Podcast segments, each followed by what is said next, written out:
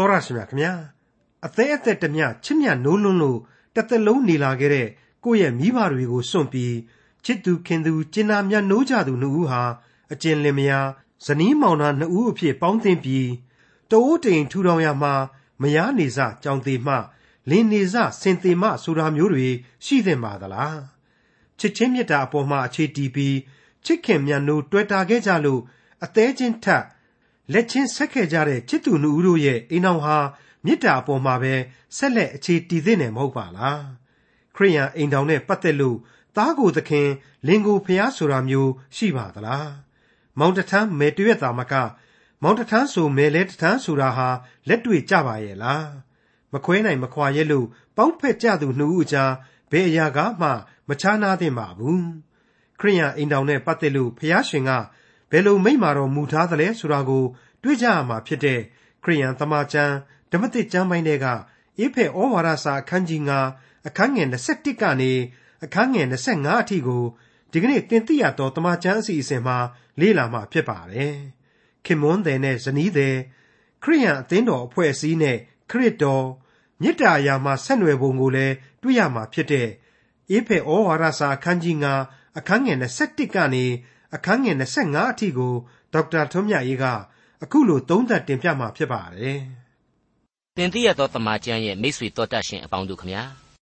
ရွေးနှုတ်တော်မူခြင်းခံရတဲ့အသင်းတော်ဟာဝိညာဏအသင်းတော်ဖြစ်စေဖို့ရန်အတွက်ကယ်တင်ရှင်ချထားပေးတဲ့အခြေခံသဘောတရားတွေကိုခံယူကြရလိမ့်မယ်။အဲ့ဒီသဘောတရားများနဲ့အညီနောက်ထပ်ချထားပေးတဲ့ဘဝလက်တွေ့ကျင့်စဉ်များကိုလည်းလိုက်နာကြရလိမ့်မယ်ဆိုတာဒီကိုကျွန်တော်ကြားနာနေကြရစေဖြစ်ပါတယ်။ပြီးခဲ့တဲ့သင်ခန်းစာမှာတော့ဆိုရင် တန်ရှင်းသောဝိညာဉ်တော်နဲ့သာအသက်တာကိုပြည့်ဝစေကြပါ။အဲ့ဒီလိုပြည့်ဝစေဖို့ရန်အတွက်ပညာသတိရှိအလိုတော်ကိုနားလေခရစ်တော်အားဖြင့်ဘုရားသခင်ကျေးဇူးတော်များကိုချီးမွမ်းနိုင်ကြပါစေဆိုတာတွေ့ကိုကျွန်တော်အလေးအနက်ဖော်ပြခဲ့ပြီးဖြစ်ပါတယ်။ကျေးဇူးတော်ချီးမွမ်းခြင်းဆိုတာဟာအသက်တာကျင့်စဉ်များတဲ့မှာဘလောက်ထိမင်္ဂလာရှိတဲ့အလုပ်ဖြစ်တယ်။ဘုရားသခင်နှစ်ချိုက်တော်မူတယ်ဆိုတာကိုလေကျွန်တော်အသေးစိတ်ဖော်ပြခဲ့ပြီးဖြစ်ပါတယ်။ဒီကနေ့သင်ခန်းစာရဲ့အဆုံးအမကိုတော့အခုလိုစတင်နားဆင်ကြည့်ကြပါစို့။ အေဖက်ဩဝါဒစာအခန်းကြီး9အငယ်21ခရစ်တော်ကိုခံရသောအဖြစ်အချင်းချင်းတယောက်အောက်တယောက်ကိုကိုနှိမ့်ချလျက်နေကြလော့နှိမ့်ချခြင်းဆိုတာဟာနှိမ့်ချခြင်းနဲ့မတူပါဘူးနော်ကျွန်တော်ဒါကိုအချိန်ချင်းပြောခဲ့ပြီးပါပြီထားရနေစေရသွားဆိုတဲ့လူအချင်းချင်းကြောက်နေဖို့ကိုမဆိုလိုပါဘူးလူလူချင်းကိုဖျားတဆူဂူတလုံးယိုကျိုးနေရမယ့်သဘောကြီးလည်းမဆိုနိုင်ပါဘူးလူသားအချင်းချင်းဘသူကမှကိုယ့်ကိုနှိမ်ပြီးမနေပေမဲ့ ကိုဟာကိုယ့်ကိုချစ်ခင်တဲ့ကယ်တင်ရှင်လိုပဲအများရဲ့အကျိုးကိုတတ်နိုင်သမျှသယ်ပိုးရမယ်ထမ်းရွက်ခြင်းရှိရမယ်မဆကူညီခြင်းရှိရမယ်ဆိုတဲ့သဘောတရားတွေကိုဖော်ပြလိုက်တာပါပဲဒီနေရာမှာဓမ္မတိချင်းစာအုပ်ထဲကအမှတ်313မှာပါဝင်တဲ့ကျွန်ုပ်ကိုယုံသောသူများကြောင့်ဖြောင့်မတ်မည်ဆိုပြီးတော့အစချီထားတဲ့ဓမ္မတိချင်းကလေးကိုကျွန်တော်သတိရမိပါတယ်အဲ့ဒီထဲကဒုတိယအပိုက်မှာဆိုရင်မိษွေမဲ့သူနှင့်ရန်သူကိုမိတ်ဖွဲ့မည်စွန့်ကြဲကြောင်းမေ့လျက်စွန့်ကြဲပေးကမ်းမည် ကိုအားနေကြောင်းကိုသိ၍စိတ်နှိမ်ချမည်ရှင်လန်းချစ်ခင်မျှော်ကြည့်လျက်ထူပင့်မည်ဆိုတဲ့အချက်ဒီပါပါတယ်အဲ့ဒီဓမ္မသချင်းရဲ့အတိုင်းပဲလောကတာဝန်တွေကိုကြည်ပြင်းစရာတွေအများကြီးရှိပါတယ်ကောင်းမှုမြတ်နိုးပြီးတော့ကောင်းအောင်သယ်ပိုးရမယ်သဘောတရားတွေအများကြီးပါဝင်နေပါတယ်ဒီနေရာမှာယေရှုခရစ်၏ကျွန်ဖြစ်သောငါပေါလုဆိုတဲ့အပိုင်းတုန်းကကျွန်တော်ဖော်ပြခဲ့တာကိုမှတ်မိကြမယ်ထင်ပါတယ်အဲ့ဒီလိုကျွန်ဆိုတဲ့ဝေါ်ဟာရဟာတကယ်တမ်းစဉ်းစားကြည့်လိုက်ရင်သဘာဝမှာပင် ဘာဆိုဘာမှသိခါကြစရာအရှင်းမရှိဘူးလောကလူသားဟာဘဝနဲ့သက်ဆိုင်တဲ့အနှောင်အဖွဲ့များတဲ့မှာအသီးအသီးအစေခံရတဲ့ကျွံတွေကြီးပဲဖြစ်ကြတယ်အဲ့ဒီထဲမှာယေရှုခရစ်ဤကျွန်းဆိုတာဟာအလွန်ဂုံမြောက်တဲ့ယုံကြည်သူဘဝဂုံပုတ်ပြည့်ရဖက်ဖြစ်တယ်ဆိုတာကိုကျွန်တော်ဖော်ပြခဲ့ပြီးပါပြီခရစ်တော်ရဲ့ကျွံဖြစ်ရတဲ့ပေါလုဟာဘလောက်ထိခရစ်တော်ကိုချစ်ချင်းမေတ္တာနဲ့အတူ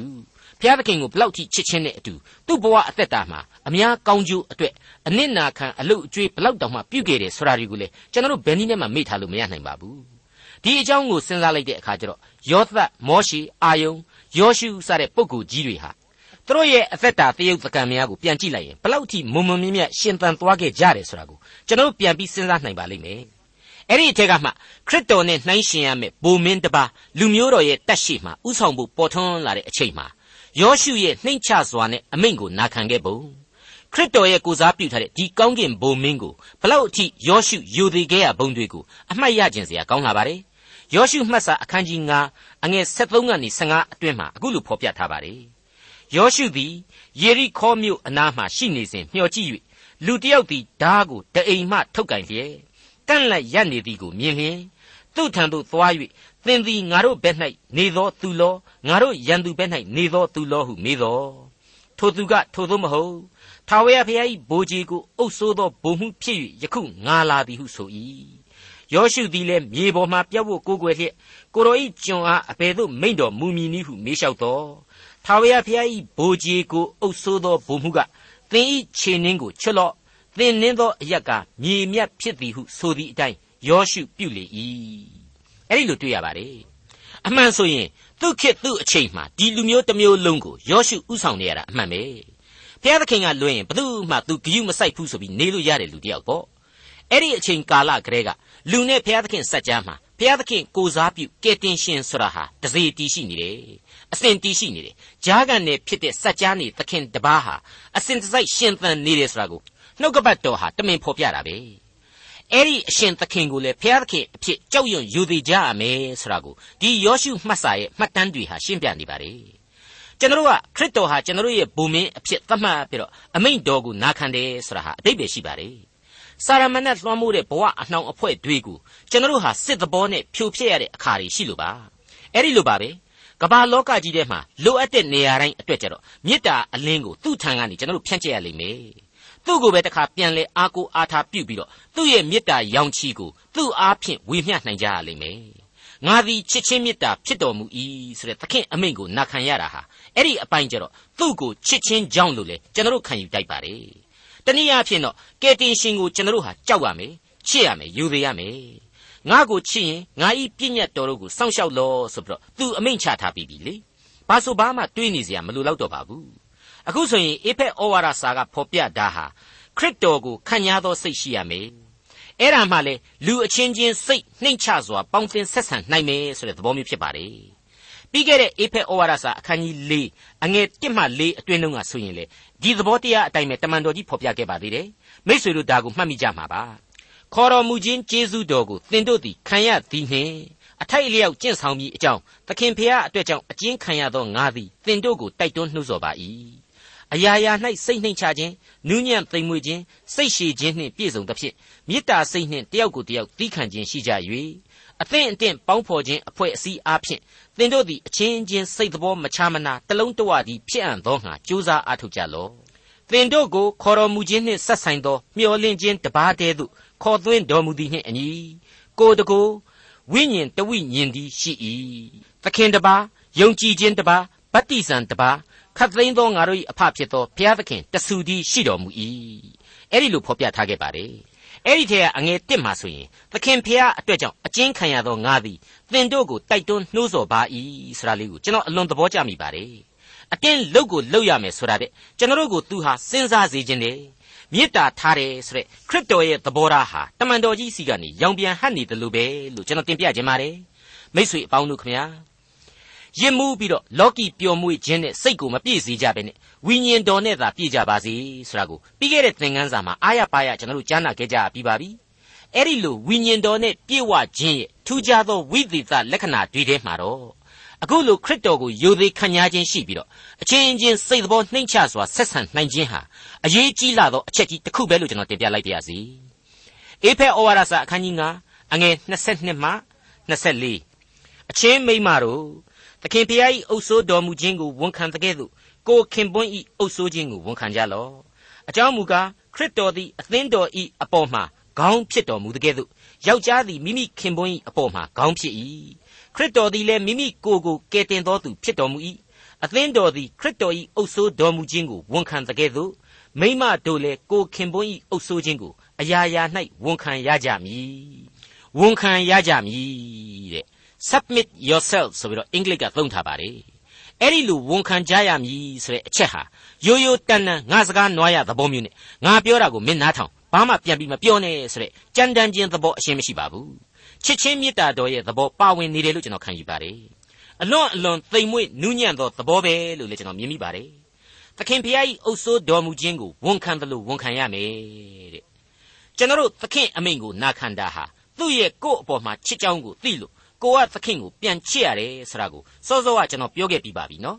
အခုအချိန်မှလည်းအိမ်တောင်ရေးဘဝမှာချစ်ချင်းမေတ္တာနဲ့အတူမေတ္တာများစွာဖြင့်ကိုယ်အဆွေခင်ပွန်းစိတ်တိုင်းကြဝန်ခံခြင်းသို့မဟုတ်အလိုတို့လိုက်ခြင်းဆိုတဲ့အချက်ဟာထင်ရှားစွာပေါ်လွင်လာပါတယ်အခုဆုံးမစာအပိုင်းနဲ့ပတ်သက်ပြီးတော့ယောက်ျားတွေမိန်းမတွေဟာကိုကြိုက်ရာလောက်ကလေးကိုပိုင်ပြီးတော့ယူကြတယ်ပြီးတော့လိုရာကိုဆွဲပြီးသုံးကြတယ်တယောက်နဲ့တယောက်စကားအခြေအတင်များကြတယ်ဆိုတာဒီကိုကျွန်တော်ကြားမှုပါတယ်တချို့ကြတော့လေအတီပေါက် တချို့ကြတော့လေပျော်စီပြက်စီကလက်စီသဘောမျိုးတွေနဲ့ပေါ့အမှန်မှန်ကတော့ဘယ်ဘက်ကိုမှမပို့အောင်ဘုရားသခင်ကဆုံးမထားပါတယ်လမ်းပြထားပါတယ်ဒါကိုကျွန်တော်တို့နောက်ပိုင်းသင်ခန်းစာတွေမှာမလှုပ်နိုင်အောင်လို့တွေ့လာရမှာဖြစ်တဲ့အကြောင်းကြိုတင်ပြီးကျွန်တော်လည်းပြောထားနှင်ကြပါတယ်ဘုရားသခင်အုပ်ဆိုးခြင်းကိုကြည်သာသောချစ်ချင်းမေတ္တာနဲ့ဝန်ခံရမှာဖြစ်တယ်လို့မိမိရဲ့အဆွေခင်ပွန်းရဲ့အုပ်ဆိုးခြင်းကိုလေမိမတွေဟာဝန်ခံရမယ်ဆိုပြီးတော့ဖော်ပြလိုက်တာဟာ အကြောင်းမဲ့မဟုတ်ဘူးအကျိုးသင့်အကြောင်းသင့်အလွန်ရှိတယ်ဆိုတာကိုအငယ်23မှာအခုလိုဖော်ပြလာပြန်ပါတယ်အကြောင်းမူကားခရစ်တော်သည်အသင်းတော်အပေါ်မှာဥကောင်းဖြစ်တော်မူတဲ့ကဲ့သို့ယောက်ျားသည်မိမိခင်ပွန်းအပေါ်မှာခေါင်းဖြစ်၏ခရစ်တော်သည်လည်းမိမိကိုယ်ကိုကယ်တင်တော်သူဖြစ်တော်မူ၏တဲ့မိတ်ဆွေများခမညာဘုရားသခင်ပေးလိုက်သောဗီဇသဘာဝလို့ပဲကျွန်တော်တို့ပြက်ပြက်သားသားဆိုချင်ပါတယ်အသင်းတော်ဒီဟူသောခန္ဓာကိုယ်ရဲ့ဥကောင်းတော်ဟာခရစ်တော်ဖြစ်တယ်လို့ ယောက်ျားဟာမိန်းမရဲ့ဥဆောင်သူဖြစ်ရမယ်တဲ့လှေနံနှစ်ဖက်နင်းမထားပါဘူးနော်ပြက်သားရှင်းလင်းခြင်းအလွန်ရှိနေပါတယ်တစ်ချိန်တည်းမှာခရစ်တော်ဟာသူ့ရဲ့အသင်းတော်သို့မဟုတ်ခန္ဓာတော်ကိုကယ်တင်တော်မူခဲ့တယ်အဲ့ဒီအတိုင်းပဲယောက်ျားဟာမိန်းမကိုဥဆောင်သူသာမဟုတ်ကယ်တင်သူလည်းဖြစ်ရလိမ့်မယ်တဲ့မိတ်ဆွေများခင်ဗျာဒါနဲ့ပတ်သက်ပြီးတော့ညင်းခုန်စကားများနေစရာမလိုပါဘူးဒါဟာလူသားတို့ရဲ့ဘောင်မှာဘုရားသခင်ပေးသောဗျာဒိတ်ဖြစ်တယ်နှုတ်ကပတ်တော်ဖြစ်တယ်အခြေခံမူဖြစ်ပါတယ် အခြေခံဥပရိသလို့ဆိုရင်လည်းရနိုင်ပါတယ်ကျင့်သုံးလိုက်နာရမှာကတော့အခြေအနေအရရပေါ်မှာမူတည်နိုင်တယ်လို့ကျွန်တော်ဆိုချင်ပါတယ်တချို့တချို့သောအိမ်တောင်ဒီမှာမိမကပညာတတ်ပြီးတော့ယောက်ျားကပညာမတတ်ရှာဘူးဝင်ငွေကောင်းကောင်းမရှာနိုင်ရှာဘူးအဲ့ဒီမှာနေမိမရဲ့လှုပ်စာကိုထိုင်စားနေရတယ်ဒါကြောင့်ဒီကျမ်းစာဟာမမှန်ဘူးခစ်မမီတော့ဘူးခစ်စနစ်နဲ့မကိုက်ညီတော့ဘူးလို့အရန်ပြောကြပါတယ်မိษွေများခမညာခေရည်စည်းကြောင်းကြီးကြိုက်တဲ့လောက်ပြောင်းလဲပါစေဘုရားသခင်ဟာပြောင်းလဲခြင်းမရှိပါဘူး ဘုရားသခင်ဖြစ်စေခြင်းတဲ့ဆန္ဒတော်ကိုဖော်ပြထားတဲ့နှုတ်ကပတ်တော်ဟာလေဘယ်တော့မှလိုက်ပြီးတော့မပြောင်းလဲနိုင်ပါဘူးရိမ့်ွယ်ပါမဖြစ်နိုင်ပါဘူးအဲ့ဒီလိုပြောင်းလဲတတ်တဲ့လူသံတရားခရီးစဉ်မှာလူသားအဖွဲ့အစည်းတို့ပြောင်းလဲခြင်းကိုဘုရားသခင်ကပြောင်းလဲစေတာပဲဆိုပြီးတော့တချို့ကအပီးအပြတ်ပြောတတ်ပါတယ်ဟုတ်ပါတယ်ကျွန်တော်လည်းဒီကိစ္စကိုတော့မငင်းပါဘူးဒါပေမဲ့ဓမ္မရာဇဝင်တွေကဘာဦးဖြစ်ရတွေမှပြန်ကြည့်လိုက်ရင်လူသားတို့ရဲ့အပြစ်ဒုစရိုက်တွေတော်လှန်ပုန်ကန်ခြင်းတွေ လူသားတို့ရဲ့စိတ်ကြိုက်အလိုဆန္ဒတွေအပေါ်မှာဘုရားသခင်ဟာကြိမ်ဖန်များစွာခွင့်လွှတ်တော်မူခဲ့တယ်အလိုလိုက်အကြိုက်ဆောင်ပေးခဲ့သေးတယ်ဆိုတဲ့အချက်ကလေးတွေကိုကျွန်တော်တို့တွေ့နိုင်ပါတယ်ဘုရားသခင်ရဲ့မေတ္တာတော်ဟာနော်လူအဖွဲ့အစည်းပေါ်မှာအစဉ်စိုက်တည်ရှိတယ်လူသားတို့ရဲ့အကြိုက်စရိုက်ကလေးတွေနဲ့လိုက်လျောညီထွေရှိတဲ့သမိုင်းကြောင်းကိုသူပြုပြင်ပေးခဲ့သေးတယ်ဆိုတာကိုကျွန်တော်တို့တွေ့နိုင်ပါလိမ့်မယ်မိษွေတို့ဒီနေရာမှာမှတ်မိကြမလားတော့မသိဘူးဘုရားသခင်ဟာလူမျိုးတော်ဣသရီလကိုဓမ္မဆက်နဲ့အုပ်ချုပ်လိုတယ် လူမျိုးတော်ကတော့ပတ်ဝန်းကျင်နိုင်ငံတွေကိုလှည့်ကြည့်ပြီးတော့ဘယင်စနစ်ကိုထူထောင်နေရတယ်နတ်ကရာကြီးမော့ဆိုတယ်လို့ပေါ့ဘယင်ကြီးတစ်ပါးပါရှိမှတိုင်းပြည်တိုးတက်မယ်လို့ထင်ကြတယ်အုံကြွတောင်းဆိုခြင်းတွေရှိခဲ့ကြတယ်အဲ့ဒီခါမှာဘုရားသခင်ဟာလူဆန္ဒကိုလိုက်လျောခြင်းရှိခဲ့တယ်ပြီးတော့ပဲ့ပြင်ထိန်ချောင်ပေးမှုတွေလည်းရှိခဲ့တယ်ဆိုတာဟာအထင်ရှားဖြစ်ပါတယ်ဒီတော့ဒီကနေ့ကျွန်တော်တို့ကဘာမှာလက်တွေ့ဖြစ်ပျက်ပြုပြင်ခြင်းတွေဟာလေဘုရားသခင်ကကျွန်တော်တို့လူအဖွဲ့အစည်းရဲ့အခြေအနေပေါ်မှာပဲမူတည်ပြီးတော့ပြောင်းလဲခွင့်ပြုထားတာလို့ကျွန်တော်ကတော့ပြတ်သားစွာခံယူနိုင်ပါတယ် အနှစ်ချုပ်အဖြေအားဖြင့်ကတော့လူအဖွဲ့အစည်းတွင်ခိရည်စည်းကြောင်းတို့ပြောင်းလဲလျက်နေကြသည်အမှန်သို့သောဘုရားသခင်သည်အရှင်းပြောင်းလဲခြင်းမရှိသူချမှတ်ထားသောအခြေခံတရားတို့သည်လည်းအရှင်းပြောင်းလဲခြင်းမရှိလို့ကျွန်တော်ပြတ်သားစွာဆိုလိုက်ပါရစေဖတ်ခဲ့တဲ့အေဖက်ဩဝါဒစာတွေကအချင်းမိမတို့သခင်ဖျားဤအုပ်ဆိုးတော်မူခြင်းကိုဝန်ခံတဲ့ကဲ့သို့ကိုခင်ပွန်းဤအုပ်ဆိုးခြင်းကိုဝန်ခံကြလောဆိုတဲ့အချက်ဟာ ပို့ပြီးတော့လေးနဲ့တဲ့နောက်ထပ်တကြော့ပြန်ဖော်ပြချက်အဖြစ်ပို့ပြီးတော့စဉ်းစားဆင်ခြင်စရာတွေဖြစ်လာရပါတယ်အဲ့ဒါကတော့အငယ်24မှာဖော်ပြလိုက်တဲ့အချက်ပါပဲအသင်းတော်သည်ခရစ်တော်ဤအုပ်ဆိုးတော်မူခြင်းကိုဝန်ခံတဲ့ကဲ့သို့မိမတို့သည်လေကိုခင်ပွန်းဤအုပ်ဆိုးခြင်းကိုအရာရာ၌ဝန်ခံရကြမည်တဲ့မရှင်းဘူးလားမိษွေများတို့ခမညာဒီအချက်ဟာသိပ်ပြီးတော့အရေးကြီးနေပြီဓမ္မရေးအဖြေတစ်ခုကိုဖော်ပြနေပြီအဲ့ဒါကတော့တခြားမဟုတ်ပါဘူးခရိယန်အိမ်တောင်တစ်ခုဆရာဟာ အကယ်စင်စစ်ခရစ်တော်ကိုချစ်သောအသင်းတော်တစ်ခုဤကြေးမုံမှန်တစ်ချက်ပဲဆိုတဲ့အေယာမသင်ခန်းစာဖြစ်ရကြီးပေါ်လာခြင်းပါပဲ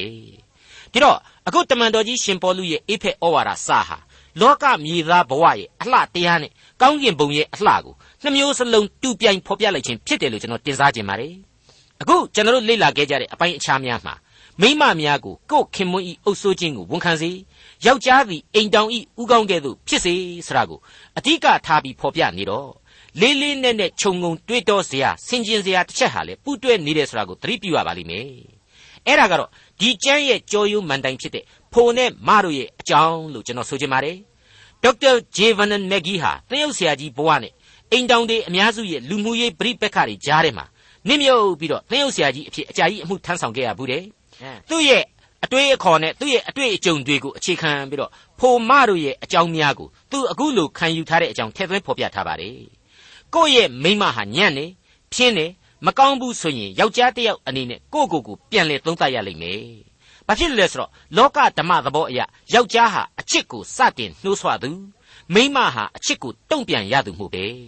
မိန်းကလေးတယောက်ကစပြီးတော့ချစ်ရေးဆိုနိုင်တယ်ဆိုတဲ့အတွေ့အခေါ်တော်လှန်မှုကြီးဟာဘလောက်ပဲဖြစ်လာနေနေ သဘာဝထလောကမှာအခြေခံအားဖြင့်ကတော့ယောက်ျားကသာအချစ်ကိုစရတယ်မိန်းမဟာအချစ်ကိုတုံ့ပြန်ရတော်သူဖြစ်ပါတယ်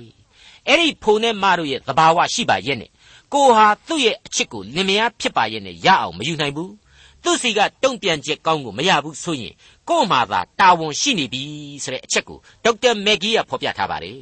ရှောလမုန်တည်ခြင်းတဲမှာယောက်ျားကလေးဟာအခုလိုဆိုလိုက်ပါတယ်ရှောလမုန်တည်ခြင်းအခန်းကြီး1အငယ်15ငါချစ်သောနှမ သင်သည်အစင်းလှပေ၏အလွန်လှပေ၏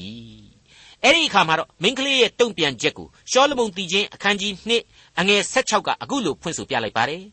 ငါချစ်ရာသခင်ကိုငါဆိုင်ပေ၏ငါကိုလည်းသခင်ဆိုင်ပေ၏ရဲ့လို့ဖြစ်ပါတယ်အင်္ဂလိပ်မှာကတော့ငါချစ်သူသခင်ကိုငါပိုင်၍ငါသခင်သည်လည်းငါကိုပိုင်သည် my beloved is mine and i am his ဆိုပြီးတော့ရှင်းရှင်းလေးဖော်ပြထားပါတယ် ဒါတကယ်တကယ်တော့ကဘာဦးကျမ်းကလူသားများကိုဖန်ဆင်းခြင်းအကြောင်းနဲ့ရှင်းပြီးတော့စိတ်စိတ်စဉ်းစားလိုက်မယ်ဆိုရင်လေအဖြေရနိုင်ပါလိမ့်မယ်ဖျားသခင်ဟာအာရန်ကိုစတင်ဖန်ဆင်းတယ်ပြီးနောက်အချိန်အတော်ကလေးယူပြီးတော့မှအေဝါကိုဖန်ဆင်းခဲ့ခြင်းဖြစ်ပါတယ်အဲ့ဒီအတော်အတန်ဆိုတဲ့ဂျားကာလဟာတခြားတော့မဟုတ်ဘူးလူယောက်ျားဟာတယောက်တည်းဘယ်လို့မှမနေနိုင်မှန်းကိုကိုကိုသိစီလိုက်တဲ့အချိန်ပဲလို့ကျွန်တော်ဆိုချင်ပါတယ် အဲ့ဒီလိုကိုကစတင်တောင့်တလာတဲ့အတွက်အေးဝဆိုတဲ့မိန်းမကိုဘုရားသခင်ဟာယောက်ျားတယောက်အတွက်မရှိမဖြစ်တဲ့အထောက်အမအဖြစ်ဖန်ဆင်းပေးလိုက်ခြင်းပဲဖြစ်တယ်လို့ကျွန်တော်ခံယူပါတယ်တနည်းအားဖြင့်တော့ကိုယ့်အတွက်မရှိမဖြစ်၍တောင့်တအပ်သောအရာဖြစ်တယ်ရှိလာတဲ့အခါမှာလေအာရန်နဲ့အေဝါဆိုပြီးတော့အမည်နာမနှစ်ခုနဲ့လိန်ခွဲခြားမှုတော့ရှိတယ်။ဘာပဲပြောပြောသမိုင်းအရာကတော့အာဒန်ဆိုရင်တခုတည်းသောနာမနဲ့အတူအေဝါဆိုတဲ့ သူ့ရဲ့တကိုယ်တည်းဆက်ဆက်နေတဲ့အသွေးအသားပါအလိုလိုအကျုံးဝင်ပြီးသားဖြစ်စေတယ်လို့ကျွန်တော်တို့တွေ့ရပါတယ်။မိษွေအပေါင်းတို့ခမညာမိမသားတွေကပဲယောက်ျားတွေကိုချီးမြှောက်နေရမလို့လို့အစစအရာရာမှဝန်ခံကြစီဆိုတာနဲ့ပဲအရှုံးကြီးပေးနေရမလို့လို့များရောင်လို့တောင်မှမတွေးကြပါနဲ့အခုအေဖက်ဩဝါဒစာသင်ခန်းစာဟာရှေ့ကိုတလှမ်းတိုးပြီးတော့ယောက်ျားတွေကိုအသိပေးလိုက်ပါတယ်သတိပေးလိုက်ပါတယ်အေဖက်ဩဝါဒစာအခန်းကြီး9အငယ်25အချင်းယောက်ျားတို့ ခရစ်တော်သည်အသင်းတော်ကိုချစ်တော်မူတဲ့ကဲ့သို့သင်တို့လည်းကိုခင်ပွန်းကိုချစ်ကြလော့ကျွန်တော်ကတော့ဒီဩဝါဒစာတစ်ချက်ထဲနဲ့ကြေသွားပြီပြေလည်သွားပြီလို့ခန်းစားလိုက်ရပါတယ်မှန်ပါတယ်မိမတို့ဟာယောက်ျားများဤအုပ်ဆိုးခြင်းကိုဝန်ခံကြရပါလိမ့်မယ်ဒါပေမဲ့ချွင်းချက်တစ်ခုဘွားကနေပေါ်ထွန်းလာပြီအဲ့ဒီလိုဝန်ခံတိုက်တဲ့ယောက်ျားတွေထဲမှာခရစ်တော်သည်အသင်းတော်ကိုချစ်တယ်လို့ကိုမိန်းမတွေကိုမချစ်နိုင်တဲ့ယောက်ျားတွေမပါဘူး အဲ့ဒီလိုကိုကိုမချစ်တဲ့ယောက်ျားတွေကိုမိန်းမတွေအနေနဲ့ဘာမှသွားပြီးဝန်ခံနေစရာမလိုပါဘူးဒီအချက်ဟာဒီနေရာမှာပေါ်ထွန်းလာပြီဘယ်နဲ့ရှိစားအဲ့ဒီအချက်ဟာလူတွေရဲ့အချက်အပေါ်မှာဆန်းစစ်ဖို့လိုလာတဲ့အချက်တစ်ခုဖြစ်လာရတယ်အင်မတန်ကြီးကျယ်တဲ့အိမ်တောင်ရေးလမ်းညွန်သဘောတရားကြီးတစ်ခုပေါ်ထွက်လာစေသလိုပဲလို့ကျွန်တော်ယင်ထဲမှာတွေးမိပါတယ်ငါမှ तू မချစ်ပဲ तू လည်းထင်တယ်လို့နေငါလည်းထင်တယ်လို့နေမယ်ဆိုတဲ့အိမ်တောင်ကြီးပျက်စီးပြိုကွဲခြင်းအကြောင်းတွေကိုအားပေးရရောက်နေပါသလား ထစ်ခနဲရှိတိုင်းဖောက်ပြန်ကြစို့လင်မယားတွေအလွယ်တကူကွဲကွာကြစို့ဆိုပြီးတော့များအားပေးရရောက်နေပါသလားအဲ့ဒီလိုစဉ်းစားစရာတွေဟာနောက်ဆက်တွဲထပ်မံပေါ်ထွက်လာပါတယ်ဟုတ်ပါတယ်ကျွန်တော်ကအထက်ကပြောခဲ့တယ်လေခရစ်တော်သည်အသင်းတော်ကိုချစ်တယ်လို့ကိုမိမတွေကိုမချစ်နိုင်တဲ့ယောက်ျားတွေမပါဘူးအဲ့ဒီလိုကိုယ့်ကိုမချစ်တဲ့ယောက်ျားတွေကိုလေမိန်းမတွေအနေနဲ့ဘာမှသွားပြီးတော့ဝန်ခံနေစရာမလိုဘူးဆိုတဲ့အချက်ပေါ်ထွန်းတာနဲ့ပဲအဲ့ဒီလိုသမာကျမ်းစာကိုခုလုံးလုံး အလွဲယူပြီးတော့အိမ်တောင်ရေးပြိုကွဲမှုတွေများဖြစ်လာနိုင်သလားအဲ့ဒါကိုပဲအကြောင်းပြပြီးတော့မိမိတို့ရဲ့ဖောက်ပြန်မှုတွေကိုဖုံးကွယ်နေကြမှာလားဆိုပြီးတော့ဆက်လက်တွေးတောเสียလိုလာပါတယ်အပေါ်ယံလွှာပြီးတော့မကြည့်ကြပါနဲ့ အသင်းတော်သည်ခရစ်တော်၏အုပ်ဆိုးခြင်းကိုဝန်ခံတကဲ့သို့မိမတို့သည်လည်းကိုခင်ပွန်း၏အုပ်ဆိုးခြင်းကိုအရာရာ၌ဝန်ခံခြင်းဆိုတဲ့အချက်အရာအိမ်တောင်တစ်ခုသည်ခရစ်တော်ကိုချစ်သောအသင်းတော်၏ရောင်ပြန်ထင်ဟပ်သောကြေးမုံမှန်တစ်ချက် အဲ့ဒီလိုကျွန်တော်အတိတ်ပဲအလေးနဲ့ဖွင့်ဆိုပြခဲ့ပြီးပါပြီဒီဩဝါဒစာဟာဖောက်ပြန်ပျက်စီးခြင်းကိုအားပေးဖို့ရန်မဟုတ်တားဆီးဖို့သာဖြစ်တယ်လို့ကျွန်တော်ဆိုချင်ပါတယ်အိမ်တောင်ပြုတ်ဖို့ရန်ပြင်ဆင်နေကြသောလူကလေးလုံမကလေးတို့အတွက်အသက်တာလမ်းညွန်ဟာဒီအပိုင်းမှာပါဝင်လို့နေပါပြီကျွန်တော်ဒီနေရာမှာအသေးစိတ်ဖြည့်ဆွက်တင်ပြခွင့်ပြုပါလူယောက်ျားလူမိန်းမတို့အတွက်အချစ်နဲ့ပတ်သက်တဲ့ထူးဆန်းသောအစီအမံကိုဘုရားသခင်ဟာချထားပေးပါတယ်တရိษံလောကမှာလို့ဆန့်ကျင်ဘက်လိမ်မှန်းရင် အချစ်ပါသည်ဖြစ်စေမပါသည်ဖြစ်စေဆက်ဆံလို့ရတာကြီးပဲဆိုတဲ့အမျိုးအစားမျိုးလူသားဟာမဟုတ်ခဲ့ပါဘူး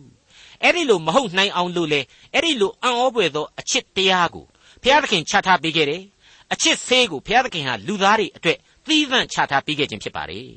အဲ့ဒီလိုအံ့ဩပွေသောအစီအမံအားဖြင့်လောကကြီးမှာဘလောက်ပဲအယုတ်ဆိုးဆိုးအဆင့်အတန်းအရဘလောက်ပဲနှိမ့်ကြလို့နေနေလူယောက်ျားလူမိန်းမတိုင်းတို့ဟာသူတို့နဲ့ထိုက်တန်တဲ့အချစ်တစ်ခုခုကိုတော့ အသက်တာတကွေ့ကွေ့မှာတခါတော့ခံစားရစမြဲပဲသူနဲ့တော်လျော်တဲ့ဆန့်ကျင်ဘက်လူတစ်ယောက်ရဲ့အချစ်တစ်ခုကိုတော့လူသားတိုင်းဟာခံစား권ရှိစမြဲပဲလို့ကျွန်တော်ယုံကြည်ပါတယ်မိတ်ဆွေတော်တတ်ရှင်အပေါင်းတို့ခမညာအဲ့ဒီလိုပေါ်ထွက်လာတဲ့အချစ်ကိုမှအခြေခံပြီးတော့လူသားတွေဟာအိမ်တောင်များကိုတိဆောက်ဖို့ရန်အတွက်လေဘုရားသခင်အထူးပဲအလိုတော်ရှိပါတယ်အဲ့ဒီလိုအိမ်တောင်သားမွေးပြုစေဖို့ရန်လေဘုရားသခင်ကောင်းကြီးပေးခဲ့တယ်လို့ကျွန်တော်အလေးအနက်ဒီနေရာမှာတင်ပြခြင်းပါတယ်မိတ်ဆွေအပေါင်းတို့ခမညာ အဲ့ဒီလိုအချစ်ဆိုတဲ့အရာနဲ့အခြေခံထားပြီးတော့စောက်တည်ရတဲ့အိမ်တောင်တစ်ခုမှာဖိုနဲ့မတို့ဟာတဏှာပေမအစွဲအလံတစ်ခုတည်းနဲ့စွဲမြဲနိုင်ခြင်းမရှိအသရေလည်းမတင်တယ်နိုင်ပါဘူးခရစ်တော်ကချစ်၍ခရစ်တော်ကိုချစ်သောအသင်းတော်ရဲ့ကြေးမုံရိပ်သွင်းလိုမေတ္တာရောင်ပြန်ကိုယုံကြည်သူခရိယန်တို့ရဲ့အိမ်တောင်တိုင်းအိမ်တောင်တိုင်းတို့ဟာပတ်ဝန်းကျင်မှာထင်ရှားစေသင့်ပါတယ်အဲ့ဒီလိုခရစ်တော်ရဲ့အလွန်မြင့်မြတ်လှတဲ့ချစ်ချင်းမေတ္တာကို လူသားတွေရဲ့ဖိုနဲ့မှတဏှာရမက်တစ်ခုတည်းနဲ့ဘယ်လို့မှပြန်လဲဖော်ပြနိုင်မှာမဟုတ်ပါဘူး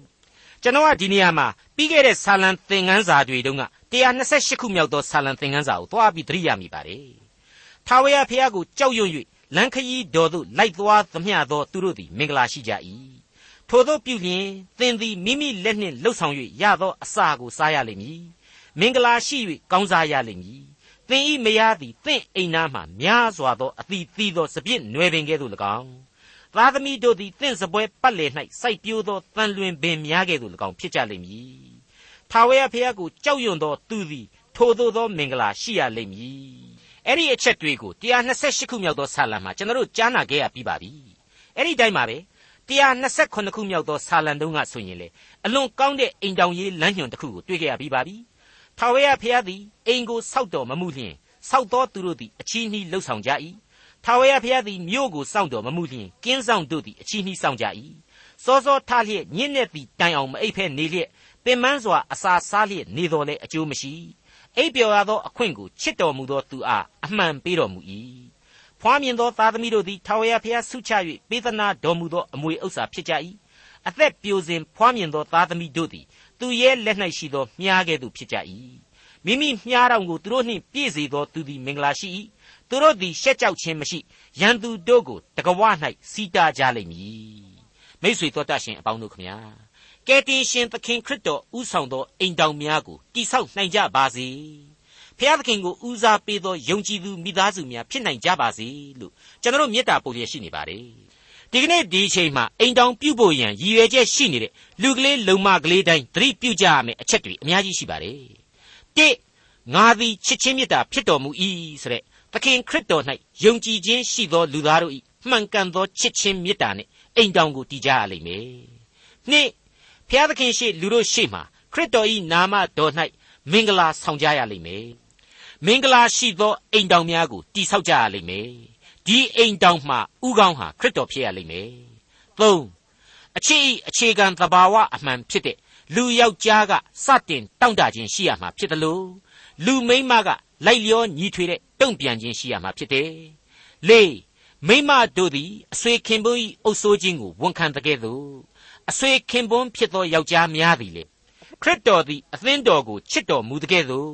မိမိတို့၏အဆွေခင်ပွန်းကိုချစ်ကြရလိမ့်မယ် အဲ့ဒီအချက်တွေဟာအလွန်အရေးကြီးတဲ့လမ်းညွှန်တွေပဲဖြစ်ပါတယ်ဏိကုံးချုပ်အားဖြင့်ကတော့အေဖက်ဩဝါဒစာဟာဘယ်လူသားမှမငင်းဆန်နိုင်တဲ့မရှောင်လွှဲနိုင်တဲ့ချစ်ချင်းတရားကိုလောကနီတိတရားအဖြစ်စဉ်းစားနားလည်ခွင့်ရှိစေသလိုအလွန်အလွန်အရေးကြီးလာတဲ့ခရစ်တော်ဤဝိညာဏအသင်းတော်အပေါ်မှာခရစ်တော်ဤချစ်ချင်းကိုလူသားတိုင်းခံယူနားလည်သဘောပေါက်နိုင်ဖို့အတွက်အိမ်တောင်များဤချစ်ချင်းအဖြစ်ပမာပြုတင်ပြထားတဲ့အကြောင်းမှတ်သားနာယူတိုက်ကြပါလေ ခရစ်တော်ကိုခံရသောအဖြစ်အချင်းချင်းတယောက်အောက်တယောက်ကိုကိုနှိမ့်ချလျက်နေကြလော့အချင်းမိမတို့သခင်ဖျားဤအုပ်စိုးတော်မူခြင်းကိုဝန်ခံတဲ့ကဲ့သို့ကိုခင်ပွန်းဤအုပ်စိုးခြင်းကိုဝန်ခံကြလော့အကြောင်းမူကားခရစ်တော်သည်အသင်းတော်ဤအပေါ်မှာခေါင်းဖြစ်တော်မူတဲ့ကဲ့သို့ယောက်ျားသည်မိမိခင်ပွန်းအပေါ်မှာခေါင်းဖြစ်၏ခရစ်တော်သည်လည်းမိမိကိုယ်ကိုကယ်တင်တော်သူဖြစ်တော်မူ၏အသင်းတော်သည်ခရစ်တော်၏အုပ်စိုးတော်မူခြင်းကိုဝန်ခံတဲ့ကဲ့သို့ မိမတို့လည်းကိုခင်ပွန်း၏အုပ်စိုးခြင်းကိုအရာရာ၌ဝန်ခံရကြမည်အချင်းယောက်ျားတို့ခရစ်တော်သည်အသင်းတော်ကိုချစ်တော်မူတဲ့ကဲ့သို့သင်တို့လည်းကိုခင်ပွန်းကိုချစ်ကြလော့မိษွေတော်တတ်ရှင်တို့၏အိမ်တောင်တိုင်းအပေါ်မှာဖျားသခင်၏ချစ်ချင်းမေတ္တာတော်အစဉ်အမြဲလွှမ်းမိုးပါမည်အကြောင်းကျွန်တော်လေးစားစွာမေတ္တာပို့လိုက်ပါတယ်ခင်ဗျာဒေါက်တာထွန်းမြတ်ရေးစီစဉ်တင်ဆက်တဲ့တင်ပြတော်တမချန်းအစီအစဉ်ဖြစ်ပါတယ်နောက်တစ်ချိန်အစီအစဉ်မှာ ခရိယန်တမချန်းဓမ္မသစ်ကျမ်းပိုင်းတွေကအေဖက်ဩဝါဒစာခန်းကြီး9အခန်းငယ်26ကနေအခန်းငယ်33အထိကိုလေ့လာမှာဖြစ်တဲ့အတွက်စောင့်မျှော်နားဆင်နိုင်ပါတယ်။